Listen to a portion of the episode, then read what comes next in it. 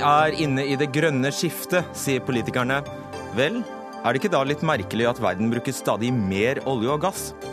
Og hva er poenget med å kjøre el- og hydrogenbiler når 86% av strømmen kommer fra olje, kull og gass? Journalisten som ble avslørt som fru Hjort på Twitter, kommer og forteller hvorfor hun gjøv løs på kolleger og konkurrenter anonymt. Hva er den egentlige grunnen til at bare 100 arbeidsledige har mistet dagpengene fordi de nektet å flytte? Kan det være Navs egen feil? Og Therese vil bli norsklærer, men sliter med at hun må ha høyere karakter i matte enn i norsk for å komme inn. Hva er poenget med det, spør hun kunnskapsministeren.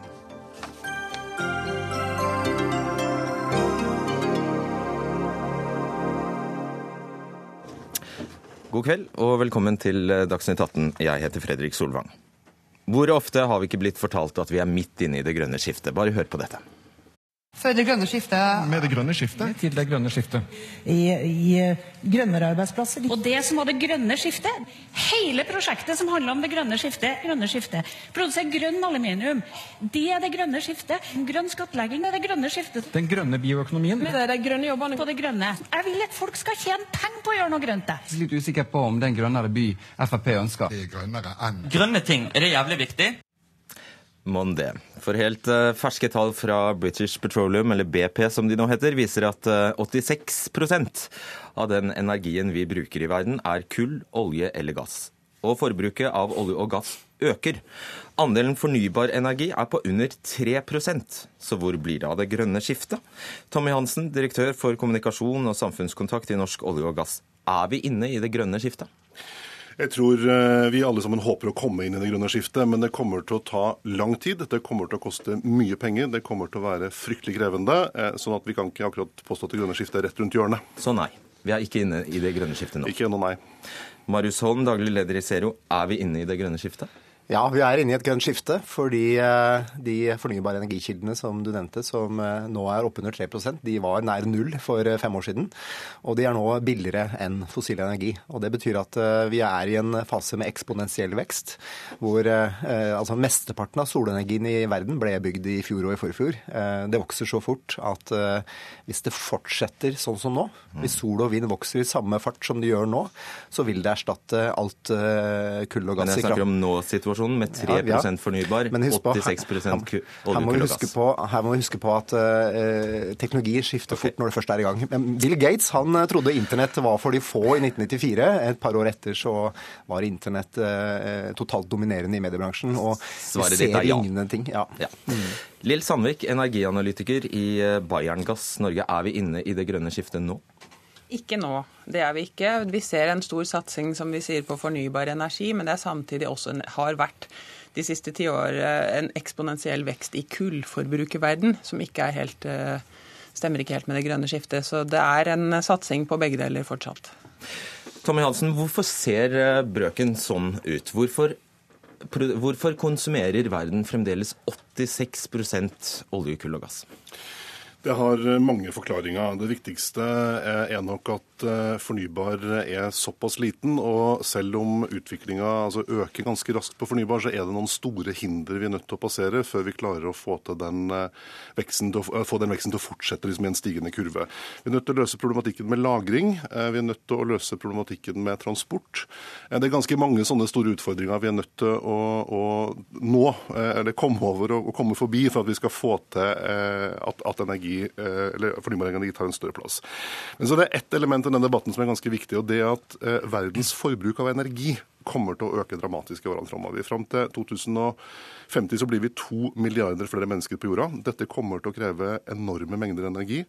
Eh, Den veksten i forbruk kommer til å skje utenfor OECD-området, altså dvs. Si utenfor den vestlige verden. Og den, den delen av verden har ikke de ressursene som vi i den vestlige verden har, i forhold til å bygge ut infrastruktur, en del ting som vi er nødt til å ha for at vi skal kunne ta i bruk eh, den fornybare energien som Marius Holm eh, mener kommer til å vokse så kraftig. Og da er det sånn, Marius Holm, at eh, Tommy Hansen, selv om han ikke nevnte det nå, hviler seg på eh, det internasjonale energibyrået, IEA, som da angivelig skal ha sagt at en tredel av eh, energimiksen vil være olje og gass også i 2050. Og selv det holder oss innen togradersmålet, hevder han. Stemmer det? Nei, vi har ikke kjangs til å nå togradersmålet hvis vi fortsatt bruker fossil energi i det tempoet som vi gjør nå. Eh, karbonbudsjettet vil da være brukt opp i eh, omtrent 2040. Og Det betyr at vi da etter 2040 må ha negative utslipp for å klare å holde oss eh, under to grader. Så ideen om at vi kan bruke omtrent like mye olje og gass som i dag fram mot 2040-50 og likevel ta vare på klimaet, det er en idé som hviler på at vi skyver mesteparten av eh, klimajobben over på neste generasjon, som må ha negative utslipp for å betale tilbake karbongjelden. Og det mener jeg er en dypt uetisk strategi. Ikke bare uetisk, men totalt urealistisk, Tommy Hansen. Alle skjønner at ikke det går. Om det er en tredjedel, altså 33% eller 31 eller 35 det spiller ikke så innmari stor eh, rolle. Det viktige er at en veldig stor andel av verdens energimiks eh, i 2050 kommer til å bestå av olje og gass. Og da Det er riktig som- eksploderer jorda, sier, eh, sier Nei, men, men, det, men dette er innafor det togradersscenarioet som FNs klimapanel har lagt til grunn. Eh, Det er mulig at vi leser dette vidt forskjellig, men, men, men da, får, da får vi eventuelt klare opp i det. Men, men uansett så er det én viktig forutsetning her, og det er jo for så vidt noen av disse tallene fra BP som, som eh, peker oss i riktig retning. fordi eh, andelen kull må dramatisk ned. Eh, fordi at kull er verstingen blant de fossile energikildene i forhold til karbonavtrykk. Der er naturgass en vesentlig bedre løsning. Svar veldig kort på det. Ja, det er sånn at Olje og gass står til sammen for større klimagassutslipp globalt enn kull. Så hvis alt kull i verden blir erstatta med gass, så får vi rundt 15 utslippskutt. Og vi trenger 80-100. Så det er dessverre ikke noe i nærheten av å løse problemet. Og da, Lill Sandvik, du er jo her på vegne nettopp av den eh, bransjen. Da går ikke regnestykket ditt i hop? For du ønsker selvfølgelig å erstatte kull med gass. Sånn som det ser ut nå, så har vi jo ikke lagring av eh, fornybar energi. Selv om vi bygger ut mye, så kan det ikke lagres. Så vi har et problem. Vi kan ikke erstatte det nå. Det eksisterer ikke teknologi sånn som det ser ut nå, foreløpig, for å gjøre den, det grønne skiftet på noen få år. Så vi trenger fortsatt olje og gass. Og hvis vi hadde eh, erstattet kullet f.eks. i Europa da, med gass, eh, fremover, så ville det bidratt til en stor grad av reduksjon av CO2 fremover. Og så kan man gjøre videre jobb samtidig. Man kan ikke utelukke det ene. Det er greit. Du, du svarer altså eh, ubetinget nei på, på spørsmålet om vi per nå er inne i det grønne skiftet. Når miljøpartiene og miljøbevegelsen og alle de som eh, kanskje står på motsatt side av deg, eh, og, mer eller mindre har klart å overbevise oss om at vi er inne i dette grønne skiftet, hva mener du det skaper, eller hva gjør det? Det er jo alle disse overskriftene som sier at 77% av EUs eh, investeringer i, i kraftproduksjon var fornybar i fjor. Selvfølgelig er det det, men det er en veldig liten andel av det totale bildet. Så det, det gjør jo at folk ikke vil investere i olje og gass lenger. Du vil legge ned olje og gass i Norge. ikke sant? Det går ikke. Man må ha denne energien Buhu, sier Marius Sonda. Altså, det, er jo, det er jo en viktig element som mangler i resonnementet her. og det er at Grunnen til at vi bruker mye fossil energi, er jo ikke fordi vi må. Det er fordi at vi har tillatt fossil energi eh, retten til å ødelegge klimaet vårt. Hadde de ikke hatt rett til å slippe ut CO2 og ødelegge klimaet vårt, så ville ikke olje og gass vært konkurransedyktig. Er Alternativene finnes jo. Det er bare det at eh, olje og gass har vært såpass billige opp gjennom åra at eh, vi har valgt det framfor bedre alternativer. Teknologiene fins, men vi må ha kraftig politikk for å få skjøvet ut det fossile og inn det fornybare. Jeg vil stille deg samme spørsmål. Altså, så, eh, du har jo en stor pedagogisk oppgave her. Når dere har fyrt av alt kruttet eh, nå og påstått at vi er inne i et grønt skifte nå med 3% fornybar i energimiksen. Hva skal du gjøre den dagen vi faktisk må gjennom disse store omveltende, omveltende prosessene og virkelig trenger å mobilisere støtte?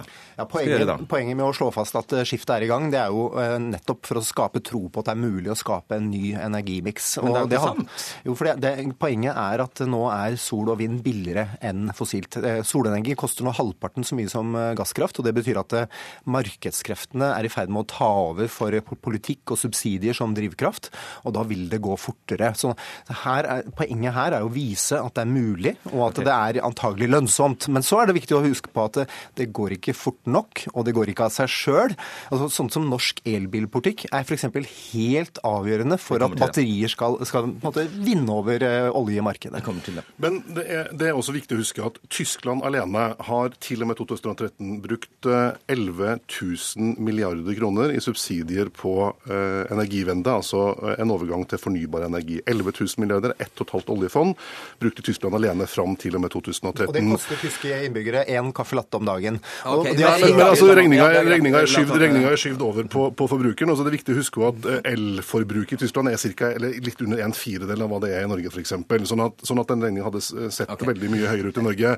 Sånn at dette kommer til å koste, men det er ikke sånn at dette er et enten-eller-spørsmål. Eh, alle sammen mener at vi er nødt til å få en økning og en fortsatt økning i fornybarandelen. Men det er veldig mange ting vi er nødt til å løse. Lagringsproblematikken er én ting. Det at vi ikke bruker energi nødvendigvis når det blåser eller sola skinner, er noe av det samme. Eh, Vi er nødt til å løse de lange eh, logistikkutfordringene f.eks. i eh, flytrafikk. Når Norwegian og SAS nå kjøper nye fly til mange milliarder, så har de en levetid på 20, kanskje 30 år. Og de kommer ikke til å bytte ut de motorene med en solcellemotor. Lill Sandvik, hva skal til? Altså økningen i gass som I gassen sin markedsandel fra 2014 til 2015 var fra 23,7 til 23,8% altså marginal, men dog. Eh, Hvor lenge Hva skal til for å få et hva skal til for å få et skikkelig skifte her, og hvor lenge kommer det til å være sånn som dette her, tror du? Eh, Hvis man betaler for forurensning, så vil det bli et skifte vekk fra kull over til gass. For hvis CO2-prisen hadde vært høyere, sånn som vi ser at hvis man innfører en CO2-skatt, så vil du få det skiftet over til gass, for det er mer økonomisk. Nå har gassen vært ganske dyr, og kull har vært billig, så du har brukt mer kull. Og sånn som i Tyskland med Energiwende og den nye energiformen, massiv satsing på fornybar, samme andel kull som for ti år siden. Ingen endring i kullforbruket. Ok. Eh, bare hold an litt. Eh, vi sier foreløpig eh, tusen takk til deg, Lille Lill Sandvik. Eh, nå skal vi ha inn eh, to, eh, to andre her.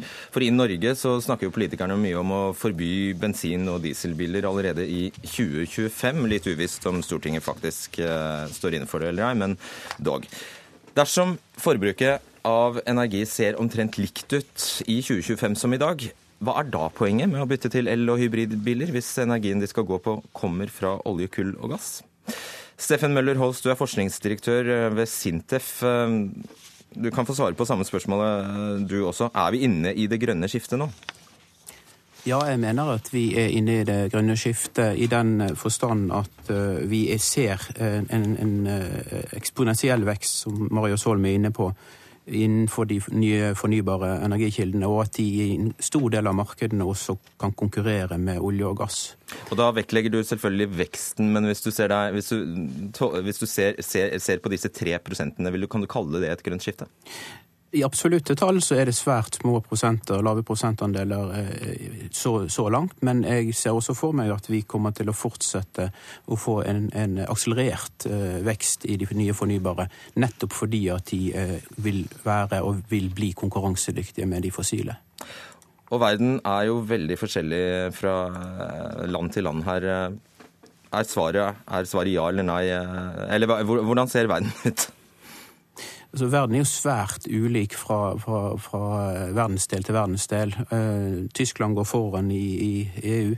Norge er, har basert sin eh, energiproduksjon eh, fullstendig på, for fornybar. Enkelte land som Kina og Polen er svært eh, dominert av kull.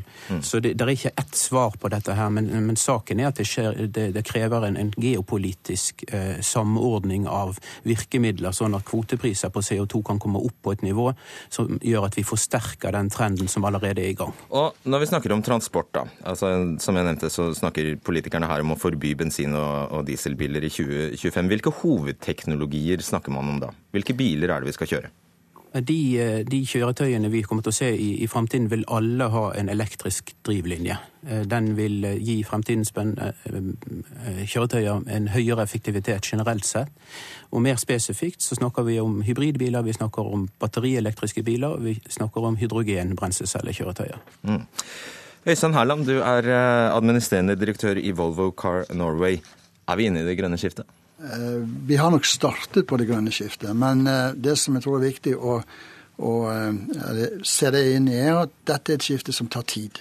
Det er ikke noe vi kan bestemme oss en dag for å skifte til noe annet, men vi må fase inn noe, og så må vi fase ut noe annet. Så vi mener nok at det grønne skiftet er, er startet. Vi er kommet langt på vei, i hvert fall innen transportsektoren, men vi har et stykke igjen å gå. Hvor lenge skal dere holde på å selge bensin- og dieselbiler? Nei, Vi skal vel egentlig i hvert fall holde på å selge det frem til 2030, kanskje 2035. da. Men samtidig skal vi da fase inn ny teknologi. Vi skal fase inn elektriske biler. Vi skal fase inn ladbare hybrider. Og jeg tror nok også vi skal fase inn hybridteknologi i variasjoner som vi faktisk ikke har lansert, eller som er på markedet ennå. Mariusson, hva er poenget hvis den strømmen som disse fine bilene, nullutslippsbilene skal gå på, er skitten? Hva er poenget da? Det er jo et poeng å flytte utslippene fra eksospotta på bilen til et sted hvor det er lett å gjøre noe med det, nemlig kraftsystemet. Så eh, når du, eh, når du har en million eksospotter, så får du ikke gjort noe med utslippene. Men når du har ett stort kullkraftverk, så er det lett å gjøre noe med det. Du kan rett og slett legge ned kullkraftverket og erstatte det med fornybar. Men det blir fremdeles nettoutslipp? Ja, det blir utslipp. Men hvis du ser på elbilens effektivitet, så er det sånn at eh, selv med Europas gjennomsnittskraftproduksjon, så er det sånn at elbilen gir lavere utslipp enn en fossilbil fordi den er eh, tre til fire ganger mer energieffektiv. Så, så, det er en poeng å få bensin og diesel ut av eh, tanken på bilene, uansett hva slags kraftmiks man har. Og så er det jo sånn at Hvis vi skal bygge dette systemet, da, som er helt utslippsfritt rundt 2040, så må vi eh, gjøre alt på en gang. Vi kan ikke vente til det siste kullkraftverket er lagt ned før vi begynner å elektrifisere transportsektoren. 2035, er det for seint å holde opp med å selge bensinbiler? Altså, jeg, jeg, tror jo ikke vi trenger å forby bensin- og dieselbiler eh, på, i 2025. Jeg tror det eh, kommer til å gå ganske fort av seg sjøl. Det er ikke noe forbud mot eh, skrivemaskiner. De har eh, blitt utdatert, de er konkurrert ut. og Det samme ser vi skjer med bensin- og dieselmotoren. Den er tungvint, den er bråkete, den forurenser. De klarer ikke miljøkravene i byene, og de klarer okay. ikke å møte klimautfordringen. Så de blir konkurrert ut på pris og på kvalitet. Herland. Jo, et, jo, men hvis vi, hvis vi, har et felles mål om at vi skal ha nullutslipp fra transportsektoren, så syns jeg at vi skal se på litt hva som har skjedd når vi startet dette skiftet. Og det vi ser er jo det at Parallelt med at vi har faset inn ny teknologi, så har vi altså gjort eksisterende teknologi utrolig mye mer effektiv. Hvis du ser på en... Altså at bensin- og dieselbilene slipper ut mindre? Eksakt. De bruker mindre fossil energi. Og vi snakker om på en, en, en periode på langt under ti år, så har vi altså redusert dette med 50% Og det er jo et viktig miljøbidrag på veien veien mot en, en, en transportsektor som har et nullutslipp. Tommy Hansen. Eh, Norge har ca. 1% av verdens befolkning. Vi har 10 eh, av eh, verdens elbiler. Og elbiler er et veldig godt alternativ på nærtransport. Og så har det på personbilmarkedet gjort vært en veldig god jobb fra Volvo og veldig mange andre i forhold til å få redusert forbruket av energi på, på, transport. Men så går dette også da i gæren retning f.eks. i USA. Der øker jo forbruket av diesel på tungtransport. Eh, som også er en veldig viktig del av eh, transportsektoren. Eh, flytrafikk var jeg inne på litt tidligere som er en viktig del av transportsektoren. Der har vi ikke kommet i nærheten av dette her. Men så er det utrolig viktig å huske at dette her ikke er et kretsmesterskap. I Norge og i den vestlige del av verden, der energiforbruket ikke kommer til å øke for at befolkninga ikke øker, så har vi penger, vi har råd til å bygge ut en infrastruktur, enten det er kraftnett eller andre ting som er nødvendig, eller om det er hydrogen.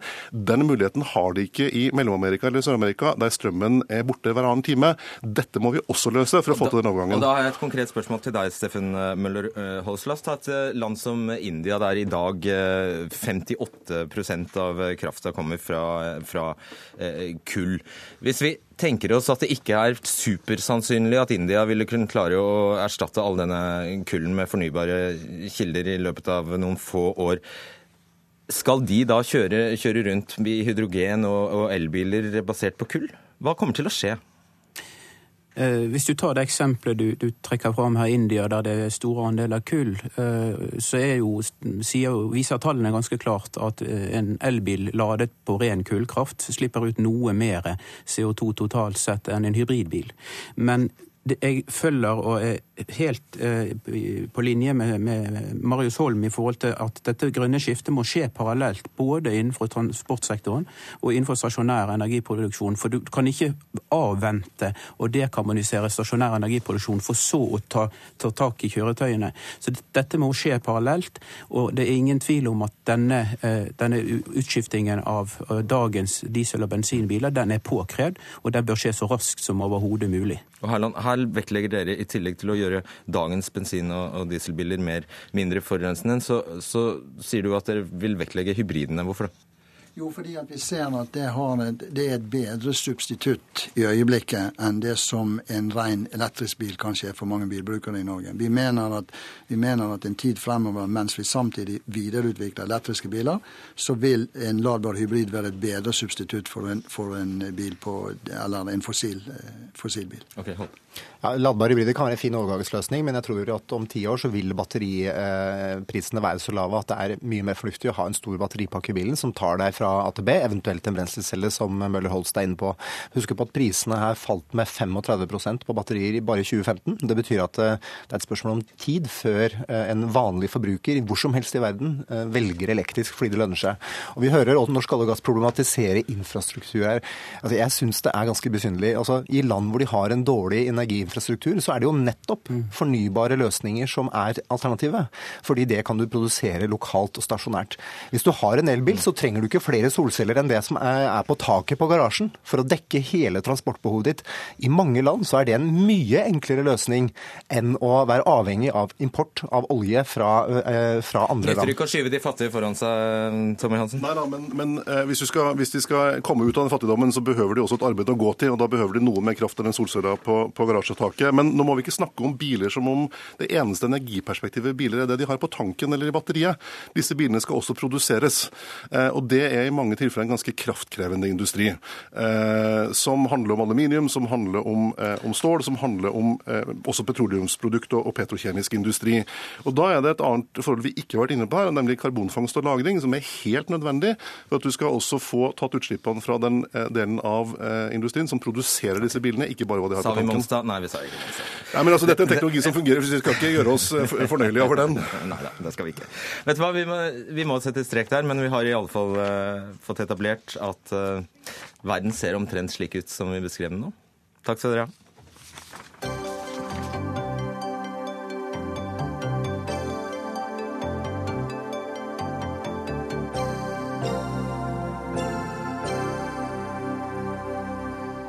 Senterpartiet ber nå regjeringen alliere seg tettere med britene for å tvinge fram en bedre EØS-avtale. Og det uansett om britene velger å bli eller gå ut av EU. Så ser Senterpartiet en kjempemulighet for eh, Norge i morgendagens brexit-avstemning. For eh, Senterpartiet ber altså regjeringen sette inn støtet for å få en ny allianse mot EU. Dette er naivt, sier europaminister Elisabeth Aspaker fra Høyre, som er forundret over eh, et parti som er så opptatt av selvråderitt kan legge seg opp i hva britene bør gjøre. Men det gjør dere altså. Anne Beate Tvinner er nestleder i eh, Senterpartiet. Du går riktignok ikke så langt som eh, tidligere partileder Liv Signe Navarsete, som eh, mente britene skulle forlate EU. Hvorfor mener du ikke det? Nei, altså I motsetning til medlemmer av regjeringen så har jeg sagt at jeg ikke vil gi råd til britene, for jeg syns britene skal bestemme sjøl. Men uansett hva som skjer i morgen, enten det blir brexit eller ikke, så kommer det til å bli forhandlinger med, mellom eh, Cameron og EU. Eh, Og det er klart at de, eh, eh, de vil eh, muligens ikke gå for en altså Dersom det blir brexit, så vil de kanskje ikke gå for en EØS-løsning, men, men medlemskap i EFTA kan f.eks. være en mulighet.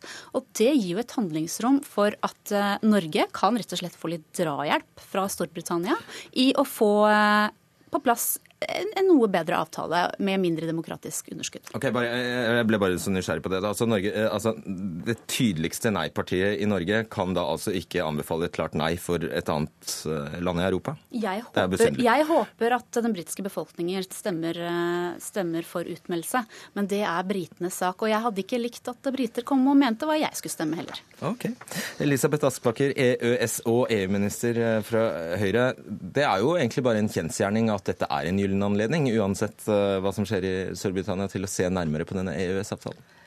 La meg først si at jeg hører hva eh, Tvinnerheim her sier, men eh, Liv Signe Navarsetes Facebook-profil i dag levner jo ingen tvil om at hun gir britene et veldig klart råd om at de bør ut av EU. Eh, Og så opplever vi jo noe helt spesielt. At for første gang så er det altså en Senterparti, en sentral Senterparti-representant som faktisk omfavner EØS-avtalen. For en større kjærlighetserklæring til EØS-avtalen enn den Liv Signe Navarsete i dag har kommet med, det tror jeg ikke vi har opplevd.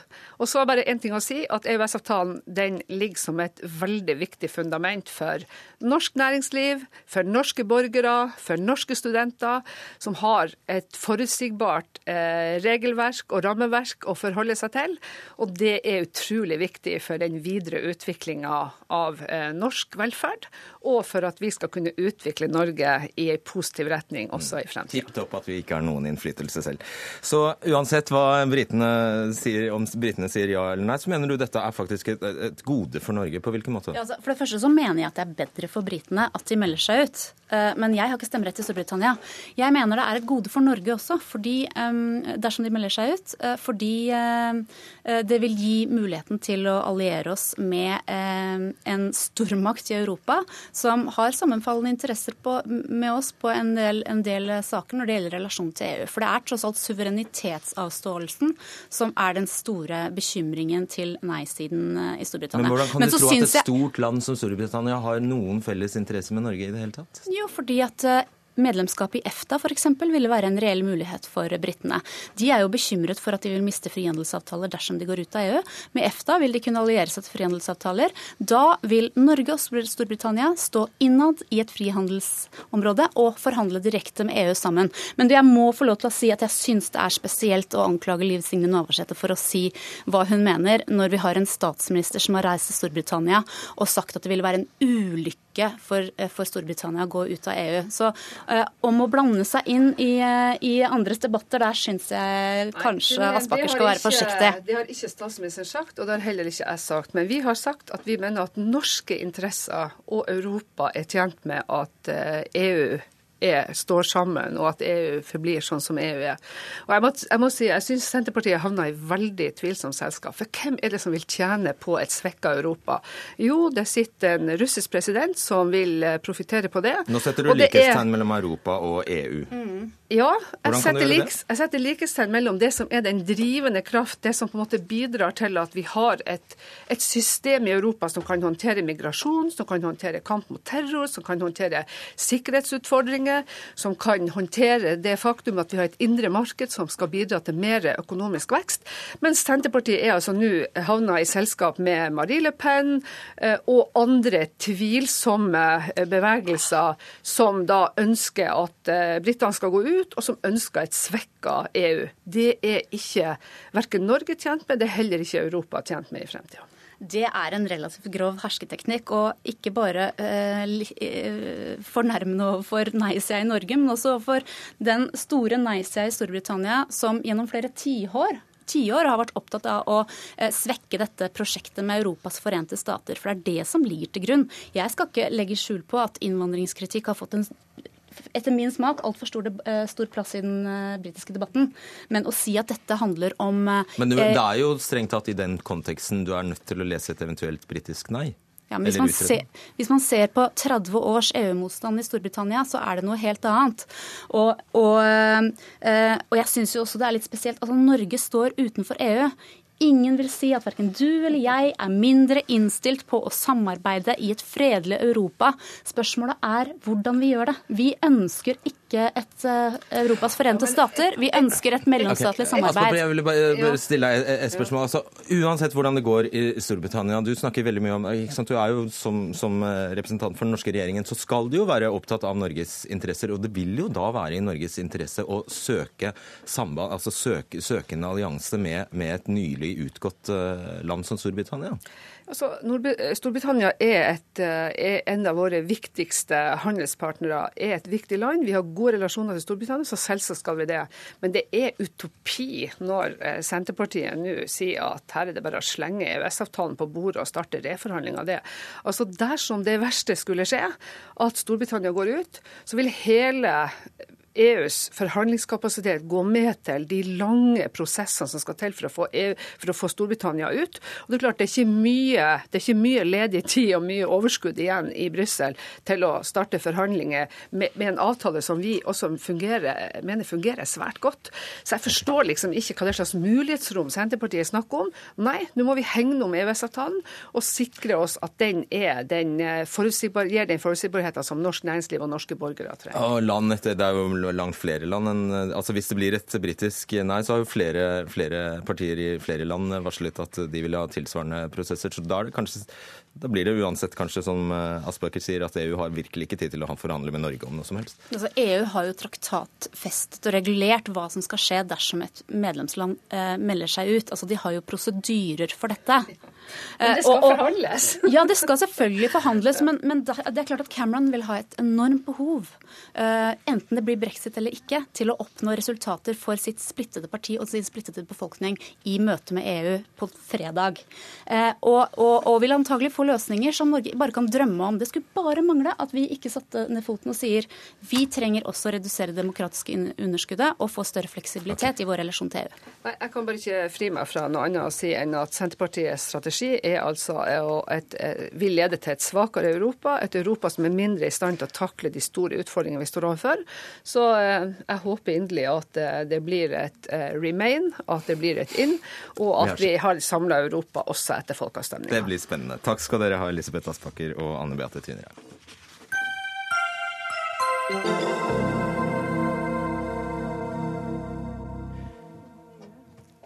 I juli i fjor dukket det opp en anonym eh, profil på Twitter som het Fru Hjort. Fru Hjort har bedrevet mediekritikk, satire, kritikk av enkeltjournalister, medieledere, intervjuobjekter og andre twitterere. Og det har eh, gått til dels svært hardt utover enkeltpersoner, som f.eks. en Aftenposten-journalist som ble beskyldt for å være sitat, trønderklatremus og attention whore, som skrev en kommentar om en 13-årings død, for så å selvpromotere seg i alle kanaler. Sitat slutt. Nå er fru Hjort avslørt, og det er du som er fru Hjort, journalist i Dagens Næringsliv, Mina Gabel Lunde. Hvorfor gjorde du dette? Jeg er ikke fru Hjort alene, men jeg har vært med uh, å skrive på den kontoen som heter fru Hjort. Uh, så vidt jeg vet, er jeg en av seks som har innlogging til den kontoen. Uh, og, og de kjenner du til navnet? Du, du, vet hvem det er? Ja, de fem andre vet jeg navnet til. Hvem er de, da? Nei, det kan jeg ikke si. Eller det vil jeg ikke si. Hvorfor ikke?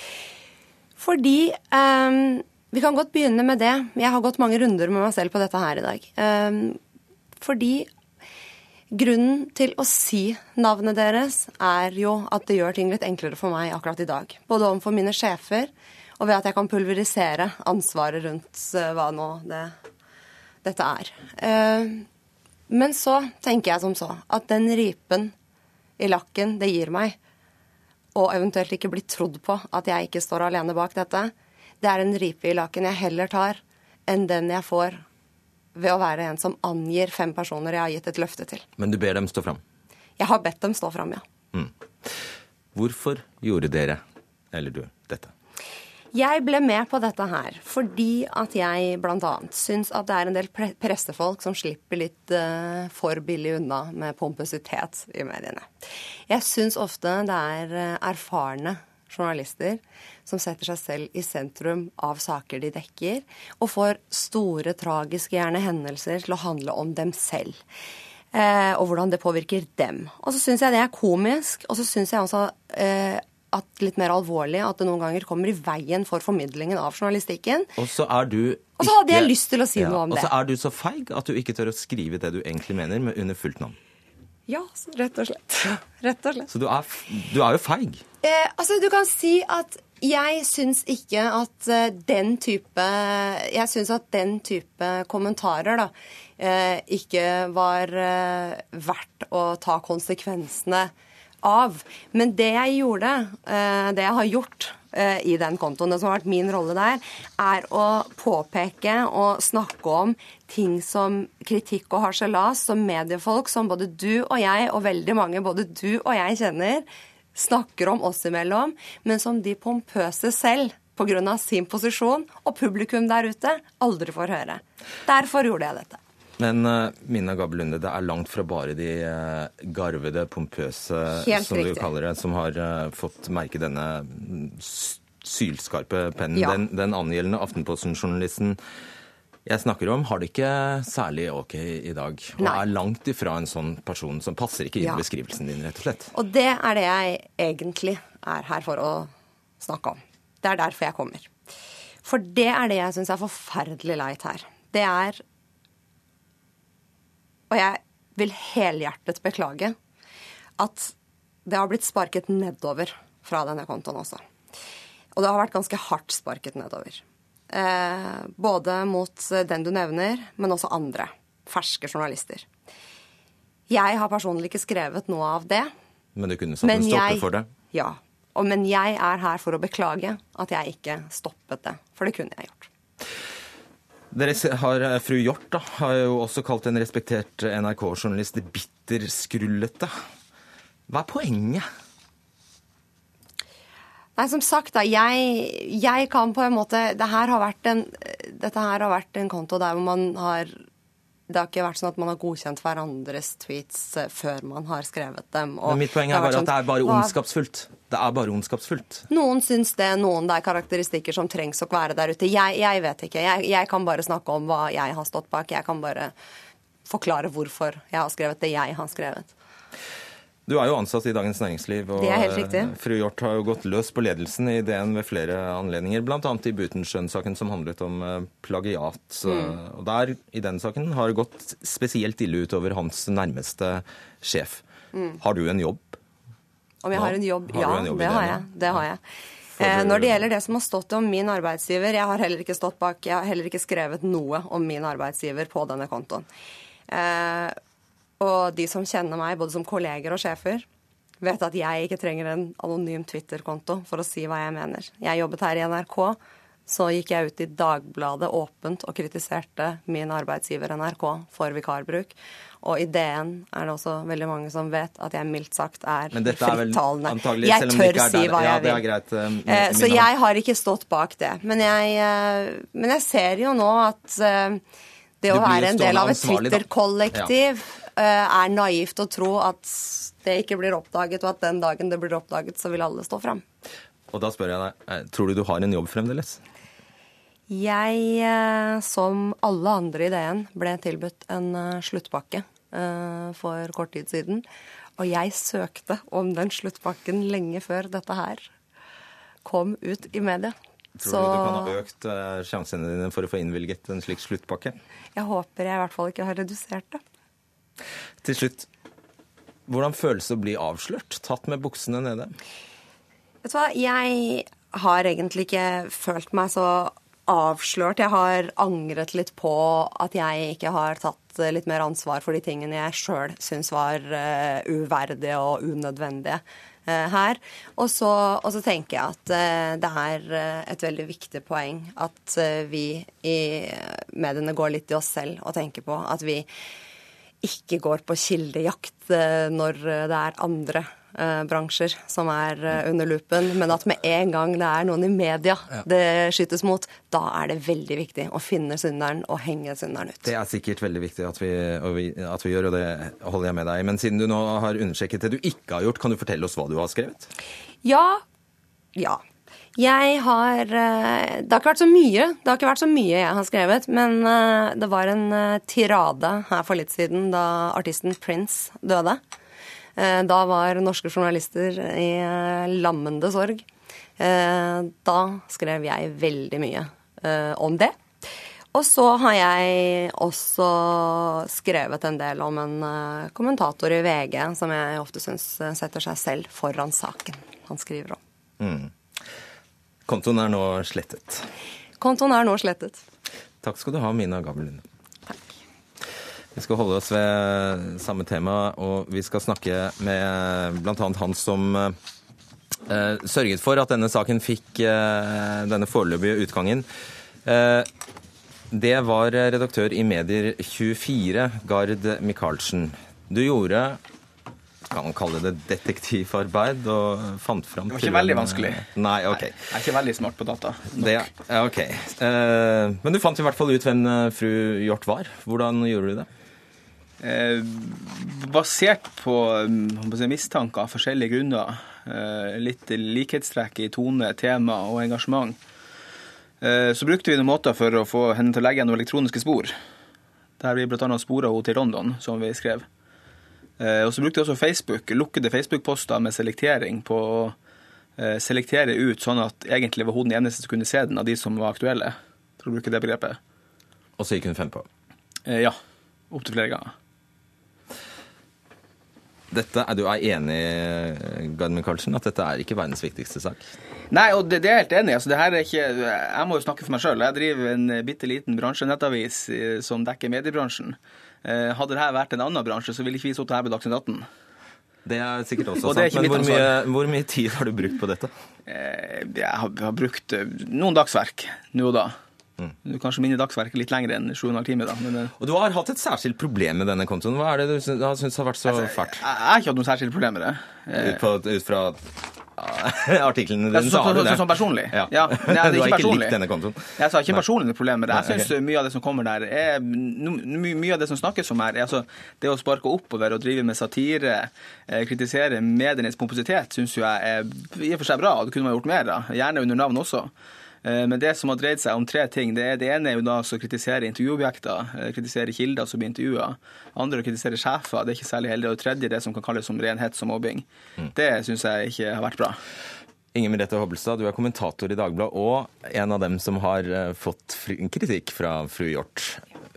Kan du huske, hva, husker du hva det dreide seg om? Vet du hva, Jeg husker ikke helt det. altså. Og jeg prøvde, Nå har jo kontoen slettet. Jeg gikk tilbake for å prøve å finne det. eh, Så vi kan... Å ja. Eh, ja, da kan vi jo bli minnet på det her.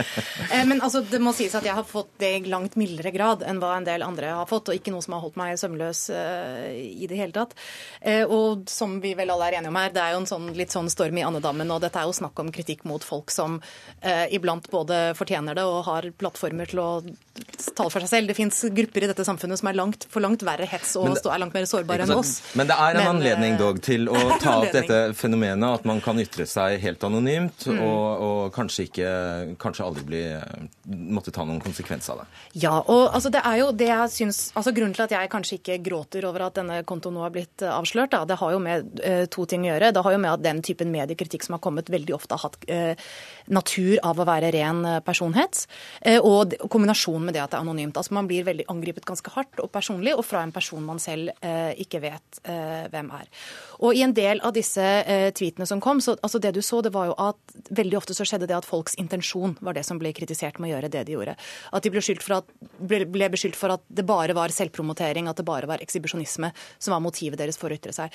Og ut fra en sånn logikk så kan man på en måte ikke gjøre noe som helst i offentligheten, for da vil det alltid kunne brukes mot deg at ja, men dette gjør du bare altså, det vil for å gjerne koble opp mot tragiske hendelser, dødsfall. Altså Én ting er kjendiser, men også tragiske hendelser i Norge. Altså 13-åring som dør. Ja, At man kunne ikke Ja. sende videre saker om legitime nyhetshendelser, tragiske ting, fordi det ble, alltid, det ble alltid pekt tilbake på deg selv at det gjorde du for å på en måte skyve spotlighten over eh, på deg selv. Og det er klart at da begynner det å nærme seg en hersketeknikk. Eh, fordi altså da vil da vil bare det at du gjør noe i det hele tatt kunne brukes eh, mot deg. Og da blir det en type eh, mediekritikk som jeg kanskje synes eh, skaper mer ubehag og, og hets enn det skaper på en måte skarp mediesatire som vi kan bruke til noe og ta til etterretning. Men så vil kanskje noen si at, at, eh, at det er eh, på sin, på sin plass fordi, fordi eh, mediene er så mektige, og kanskje enkeltpersoner Ja, innen altså, mediene er er så mektige. mektige, Og så er det jo selvfølgelig en eksepsjonistisk bransje, så det er masse å ta tak i. Det er ikke det, men det er måten det gjøres på. Ikke sant. Eh, Anine Kjerulf, du, du er forsker ved Senter for menneskerettigheter ved Universitetet i Oslo og ekspert på ytringsfrihet. Fru Hjort har eh, ytret seg om kolleger, sjefer og, eh, osv. Uh, kommentatorer. Hva kan en arbeidstaker egentlig si offentlig om eh, sin egen arbeidsplass, f.eks.? Altså, Utgangspunktet her er jo at alle har ytringsfrihet, om de ytrer seg anonymt eller for øvrig, og at den samme ytringsfriheten gjelder i sosiale medier som i offentligheten ellers. Eh, Men det er noen grenser for ytringsfriheten. og eh, denne, Jeg har ikke full oversikt over denne saken, men, på generelt eh, grunnlag så kan man jo si at det i arbeidsforhold er noen grenser for hva du kan ytre deg om av hensyn til den lojalitetsplikten som du har til din arbeidsgiver. Sånn at det å drive kritikk, det er helt legitimt og lov. Men det kan gå en grense der hvor man kritiserer f.eks. i en form som er utilbørlig, eller påstår faktiske ting som er feil. eh, Eller også gjør det da på en måte som det er umulig å forsvare seg mot, som til dels eh, skjer her. Nå tror jeg at det denne saken aktualiserer, det er vel i liten grad holdt på å si, De lovgrensene de er ganske vide for hva man har lov til å si, også som arbeidstaker. Så hva handler det om da? Nei, Da handler det egentlig om eh, debatteknikk, altså hvordan man eh, ytrer seg, og eh, i hvilken grad man faktisk evner da å bidra til den offentlige debatt på en interessant måte. Hvis man bryter saklighetsreglene, driver med personkarakteristikker fremfor saklig kritikk, driver med motivspekulasjon fremfor argumenter om sak, så undergraver man jo til dels sin egen holdt på å si, kritiserende kraft. Da, og, og Det er jo argumentene som bærer dette. Du ser jo veldig forskjell på denne Twitter-kontoen og en annen som også har vært mye diskutert, som er anonym, denne Doremus, som også mange er veldig irritert på fordi de ikke vet hvem det er som står bak. Eh, Men som jo primært driver veldig saklig kritikk, og det kan jo gå langt, og folk kan bli irritert av det. Men, men i motsetning til dette, som da er mer personhetsende, iallfall i noen av de eksemplene som har vært eh, trukket frem her. For I dag sier Dormus Doremus Jesus nærmest, når du sammenligner de her to. Hva? I dag sier Dormus Doremus Jesus når du sammenligner de her to. Ja, og det kan jo være faktisk ganske interessant for å få frem, for det er jo ganske mange hensyn som kan tilsi at man bør kunne ytre seg anonymt av og til. Og det er jo pressen de nærmeste til å vite, som ofte forholder seg til kilder som vil fremstå skjult. Eh, eh, Man kan som som journalist og kommentator videreføre deres opplysninger, men ikke deres identitet. Kort, eh, Michaelsen. Eh, vurderte du det presseetiske i å blåse Mina Gabel Lunde? Eh, ja, altså det er klart, jeg har vurdert det siden jeg har gjort det. Hvorfor er det greit? Eh, hun- hun- altså Vi snakker om pressen sin makt. Hun jobber jo i landets viktigste næringslivssituasjon og beste kritiske altså Landets største og viktigste næringslivssituasjon og landets beste medieredaksjon. Eh, Når du da bruker den makta til å kritisere, eh, til å stå bak en konto som kritiserer intervjuobjekt anonymt, eh, så mener jeg det er ikke noen tvil om at du skal identifisere altså måte, det, det- var, altså Selvfølgelig var du vurdert, men eh, det, det var ingen særlig tvil om at jeg skulle gjøre det, for å si på den måten. Ok. Eh, vil du si noe helt på toppen? Ja, jeg skulle bare si at Det finnes jo på en måte ypperlige eksempler på det. både her. Vi har anonyme aktører i samfunnsdebatten som hvor det fungerer, og det går- foregår ganske uproblematisk. Du har satire, da bl.a. siden Jævla bra byline, som gjør narr av journalister når kjent deres blir større enn saken. Der er det kjent hvem Ja. som står bak det. Så det er jo et spørsmål om grad og måte altså, som gjør at det blir problematisk, eh, mer enn at det er satire som Her er det vel også dobbeltrollen som gjør at dette blir særlig problematisk. Man er i pressen, man kritiserer pressen, og hvem er man når man gjør hva? Og hvis vi fortsetter mer nå, så vet jeg at vi får eh, da hagle kritikken eh, om navlebeskuelse. Så det var, vi stanser nå. Det gjør den allerede, antagelig. Takk skal dere ha.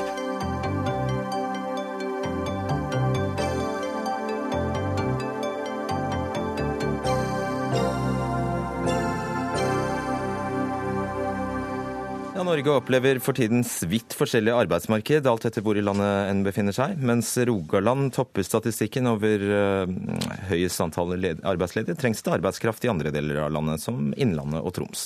Er det da rettferdig at fellesskapet betaler dagpenger for de som ikke vil flytte på seg? Nav har mulighet til å kreve at de flytter, likevel er det årlig kun 100 som mister dagpenger pga. flytte- eller pendlernekt, sa Nav-sjef Sigrun Vågeng i Dagsnytt 18 på mandag. Hvis vi måler i hvor mange vi da har fratatt dagpengene, så er det ikke mange vi snakker om. Vi snakker om lag 100 stykker i året.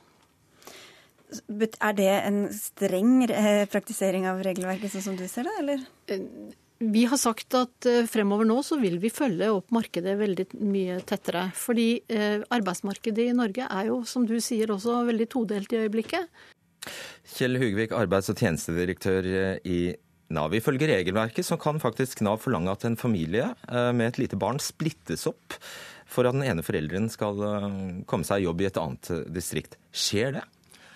Eh, Bestandig når vi vurderer mobilitet, så gjør vi en skjønnsmessig vurdering. Og det er klart at eh, Når du mottar eh, dagpenger, så har du da en rettighet, men du har også en plikt da, til å ta et arbeid som, eh, som er hensiktsmessig. Men Det er formelle, men skjer det, spør jeg. Vi gjør en vurdering, og, og i tilfeller så kan det skje at, at man mister dagpenger dersom man ikke oppfyller vilkårene. Men her er det veldig viktig å gjøre en god vurdering og se på en måte brukeren sin muligheter og se på, og se på det framfor å være først og fremst opptatt av eh, å ta fram dagpenger. Ok, Jeg spurte om dette barnet. Kjenner du til sånne eksempler? Jeg kjenner ikke sånne eksempler. Nei. Hvor langt mener dere det er rimelig at man skal flytte hvis, eh, for å beholde dagpengene? Eh, Jeg tror at eh, Dersom den rette jobben er en eller annen plass i Norge, så kan det være det rette å gjøre. Eh, Det er veldig viktig Uansett hvor langt? Ja, uansett hvor langt det er. For at jeg, jeg tenker sånn at I dag så har vi en situasjon der det er mye kompetanse på Vestlandet som er ledig. Det er ledige jobber i Nord-Norge eller Innlandet. Dersom vi finner en god match mellom en motivert arbeidssøker og en arbeidsgiver som ønsker den personen, klart da bør man flytte framfor å gå ledig. Og det var jo festtalen, men da er det jo veldig rart at det bare er 100 personer som har mistet dagpenger fordi de nektet å flytte. Hvordan kan du forklare det? Ja, Det tallet kan nok eh, virke litt lite og burde kanskje vært høyere. Eh, vi har kanskje ikke vært streng nok i denne praksisen. Dette har også noe med å gjøre at tidligere så var det ikke behov for å være så tydelig på mobilitet. Men den nye situasjonen vi har i arbeidsmarkedet nå, med høy ledighet på Vestlandet, ledige jobber i Nord-Norge, det gir en grunn til å være enda eh, strammere i, i etterlevelsen av mobilitetsloven. Er det i realiteten de lokale Nav-ansatte som bestemmer, og ikke altså det andre nivået, nemlig Nav forvaltning, som det er seks kontorer av? Er det de lokalt der nede som bestemmer? Det er bestandig sånn at den lokale veilederen er den som kjenner brukeren, eller kjenner arbeidssøkeren. Og Den skal gjøre en god vurdering av hva slags muligheter har denne arbeidssøkeren, og se om vi kan bistå arbeidssøkeren i å få en, eh, en, eh, en jobb som han kan passe inn i. Og Hvis, eh, hvis da denne arbeidssøkeren ikke oppfyller de vilkårene som vi stiller som krav, f.eks. det å være villig til å ta en jobb, og du ikke har gode grunner til å si nei, ja, da er det rimelig å frata han eh, dagpenger. Hvordan du dere det? Sjekker vi ved at vi kjenner brukerne godt. Vi gjør en behovsanalyse. Vi blir enige med brukerne om hva som er en, en eh, mulig jobb. Hvor ligger kvalifikasjonene? Vi legger ofte en plan for oppfølging. Eh, Vi kan ha folk på tiltak, og vi kan eh, lage Likevel bare 100 som har fått fratatt Ja, og tallet- og tallet kan være ikke. lite, Det, men- det stenger jo ikke helt med terrenget her. da. Ja, tallet er muligens for lite, og, at vi, og, og vi strammer til praksisen, og tallet kan bli høyere. Men jeg tror at det aller viktigste er ikke å fokusere på det tallet 100, men å se på hvor stor grad kan vi bidra, bidra til å få folk i jobb? Og Der tror vi at motivasjon, det å på en måte motivere arbeidssøkeren og finne en god match mellom en motivert arbeidssøker og en arbeidsgiver som trenger kompetanse, det er den beste måten å få folk i jobb. Ja, men Dere sier litt to ting. Dere sier at nå er det stort behov for arbeidskraft i visse deler av landet. Derfor så må folk være villige til å, å flytte på seg. Det er veldig viktig. Og så har du, så har du en lang utlegning om hvor viktig det er. Men så, samtidig så, så, så er det altså bare 100 som har fått sanksjon for at de ikke er villige til det. Da er det, et, da er det ikke samsvar mellom, mellom ja. det du sier og det som faktisk skjer La meg først understreke at det er stor mobilitet i landet. F.eks. i Rogaland, 20% av de som er kommet i jobb den siste perioden fra Rogaland, er folk som har flyttet ut fra Rogaland til andre deler av landet. Ok, Så det er ikke noe problem? Jo, eh, sånn som situasjonen nå er på arbeidsmarkedet, så burde flere istedenfor å gå ledig, søke de mulighetene der ledige jobber er. Og Det eh, har vi mange tiltak på fra Nav side, der vi forsøker å motivere dem, der vi forsøker å skape match mellom arbeidsgivere. Vi arrangerer jobbmesser, vi tar med arbeidstakere opp til potensielle arbeidsgivere, og vi bringer arbeidsgivere til Vestlandet.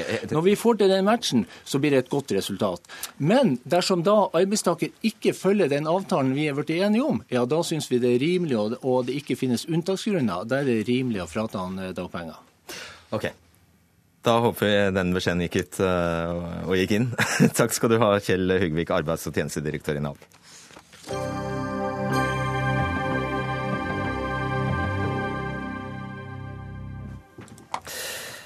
Jeg tror med hånden på hjertet at jeg kan bli en like flink norsklærer selv om jeg har tre i matte.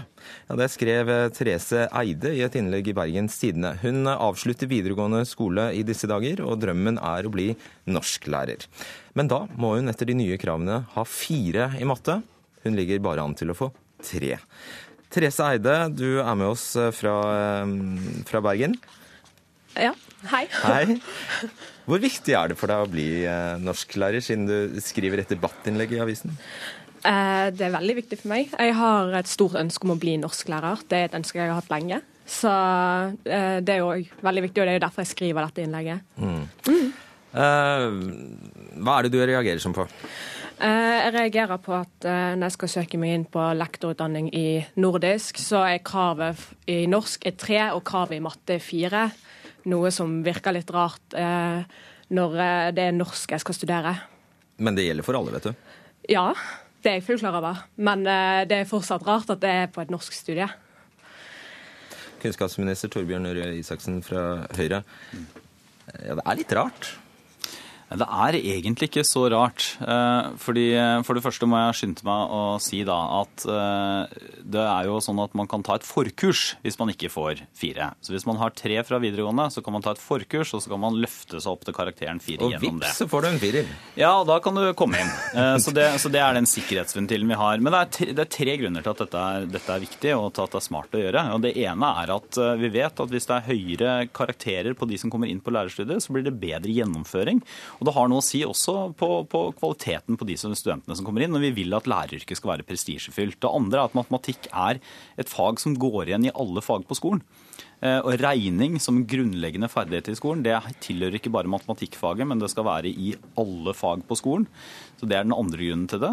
Og den tredje grunnen til det, det er at eh, vi har jo sagt at vi ønsker å heve inntakskravene generelt på lærerstudiet. For vi ønsker at lærerstudiet skal være krevende, det skal være vanskelig å komme inn, men det skal også være givende. eh, Fordi det er Norges viktigste jobb. Men det er jo ulogisk når det er norsklektor hun ønsker å bli, at kravet til, i norsk skal være lavere enn i matte.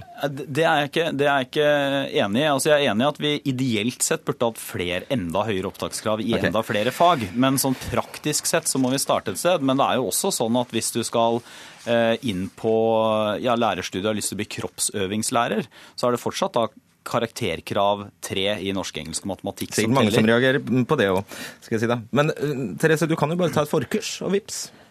Eh, jo, men det forkurset er jo lagt til at du skal få fire i matte, og fire er jo for mange ganske vanskelig å nå. Uh, og Det er jo også derfor jeg velger å bli norsklærer og ikke mattelærer. Det er jo fordi at det er norsk, det er det som er faget mitt, og det er det jeg ønsker å bli. Så det er jo derfor så er jo det forkurset er jo for meg, og jeg vet også for veldig mange andre, ganske uoppnåelig likevel. Selv om det er et godt tilbud. Kunnskapsminister, syns du Therese Eide rett og slett ikke burde bli lærer? Er det det? Nå, nå kjenner jo ikke jeg Therese, men jeg er helt sikker på at hun ville blitt en kjempegod lærer. Jeg håper hun søker, jeg håper hun tar dette forkurset også, som da skal være lagt opp sånn at det er mulig, med en betydelig egeninnsats selvfølgelig, å løfte seg opp sånn at man får tilsvarende karakteren Det er greit, men hvis hun ikke greier fire, da syns du det er greit jeg- at hun jeg ikke kan- blir lærer? Hvis jeg kan få lov til Ja, altså eh, hvis spørsmålet ditt er betyr dette at noen ikke blir lærere, betyr karakterkrav at noen ikke får komme inn på lærerstudiet, så er svaret på det ja. Og Det er også ønsket at vi ikke skal ha det sånn som vi hadde det tidligere. Det er riktignok noen år siden hvor det var lærerstudiet var et av de studiene med lavest inntakskrav, lavest eh, karaktersnitt for å komme inn. I dag er det blitt mye høyere uavhengig av det karakterkravet vi har innført. Og det mener jeg er bare bra. Og så har vi også hatt ønske om at det skal bli enda høyere, og da har vi startet med matematikk og en firer, men da med en sikkerhetsventil, sånn at man skal kunne komme inn selv om man da har en treer, så kan man få mulighet til å heve seg opp til en firer. ja, Eide? Uh, altså, Det jeg mener er jo at uh det er veldig urimelig at du skal ha fire i matte på et norskstudie. For jeg har jo mange gode norsklærere som har, ikke har oppnådd fire i matte, men de har vel likevel klart de matte, mattetingene som er nødvendig for det norskfaget. Så, eh, så derfor vil jeg si at man mister potensielt gode norsklærere eh, når, eh, når du hever kravet i matte. Ja, altså, jeg, jeg, jeg, skjønner, altså, jeg skjønner argumentet hvis man, hvis man mener at um, vi burde også ha hevet f.eks. karakterkravet i norsk. Og Vi har jo egentlig som mål at vi skal ha fire i både norsk, engelsk og matematikk for å komme inn på lærerstudiet. Fordi vi mener at det skal være et krevende studie, og vi ønsker at de, de aller beste studentene skal ønske seg å bli lærere. Kanskje det Therese Eide mener er at det er et eh, rigid krav som ikke helt står i forhold til ditt eget eh, eller Norges eh, behov. For ifølge SSB så kommer vi til å trenge 11 000, eh, eller mangle 11 000 lærere om fire-fem år. Ja, det er kommet nye oppdaterte tall etter det, så de er ikke, nå er det mye mye færre. Men vi trenger altså mange flere lærere. Men jeg mener at enda viktigere enn at vi får mange inn på eh, lærerstudiene, er at vi får gode studenter inn. Og Det er derfor jeg er opptatt av at vi skal ha høye inntakskrav, men så er jeg også opptatt av at vi skal ha en fleksibel ordning når vi nå starter med matematikk. Og det er derfor vi har innført dette forkurset som en, som en sikkerhetsventil. Men målet vårt på sikt er at vi skal ha generelt høyere opptakskrav for å komme inn på lærerstudiet. Therese Eide, har du fått den endelige karakteren i matten nå? Eh, ja, jeg har fått den endelige karakteren, og det viser jo seg at jeg klarer det kravet som skal til. Men meningen min på at, at det er fire i matte, syns jeg fortsatt er urimelig. Eh, Så ja. Men kan jeg spørre, kan jeg spørre deg om noe? Er det, var det litt ekstra inspirasjon at du måtte jobbe for å få karakteren fire for å komme inn uten forkurs? Eh, Det var egentlig bare veldig demotiverende, men eh, samtidig så hadde jeg en god lærer som klarte å hjelpe meg opp, så derfor klarte jeg til slutt. Men eh, det var egentlig demotiverende å få vite at karakterkravet var gått opp. Ok, Veldig bra du kommer inn, da. Så håper du blir lenge i skolen. Det håper vi alle. Tusen takk skal dere ha, Therese Eide og Torbjørn Røe Isaksen. Denne sendingen er eh, over. Ida Tune Ørisland var vaktsjef i dag. Eh, I teknikken var eh, Finn Lie, og jeg heter Fredrik Solvang. Takk for nå.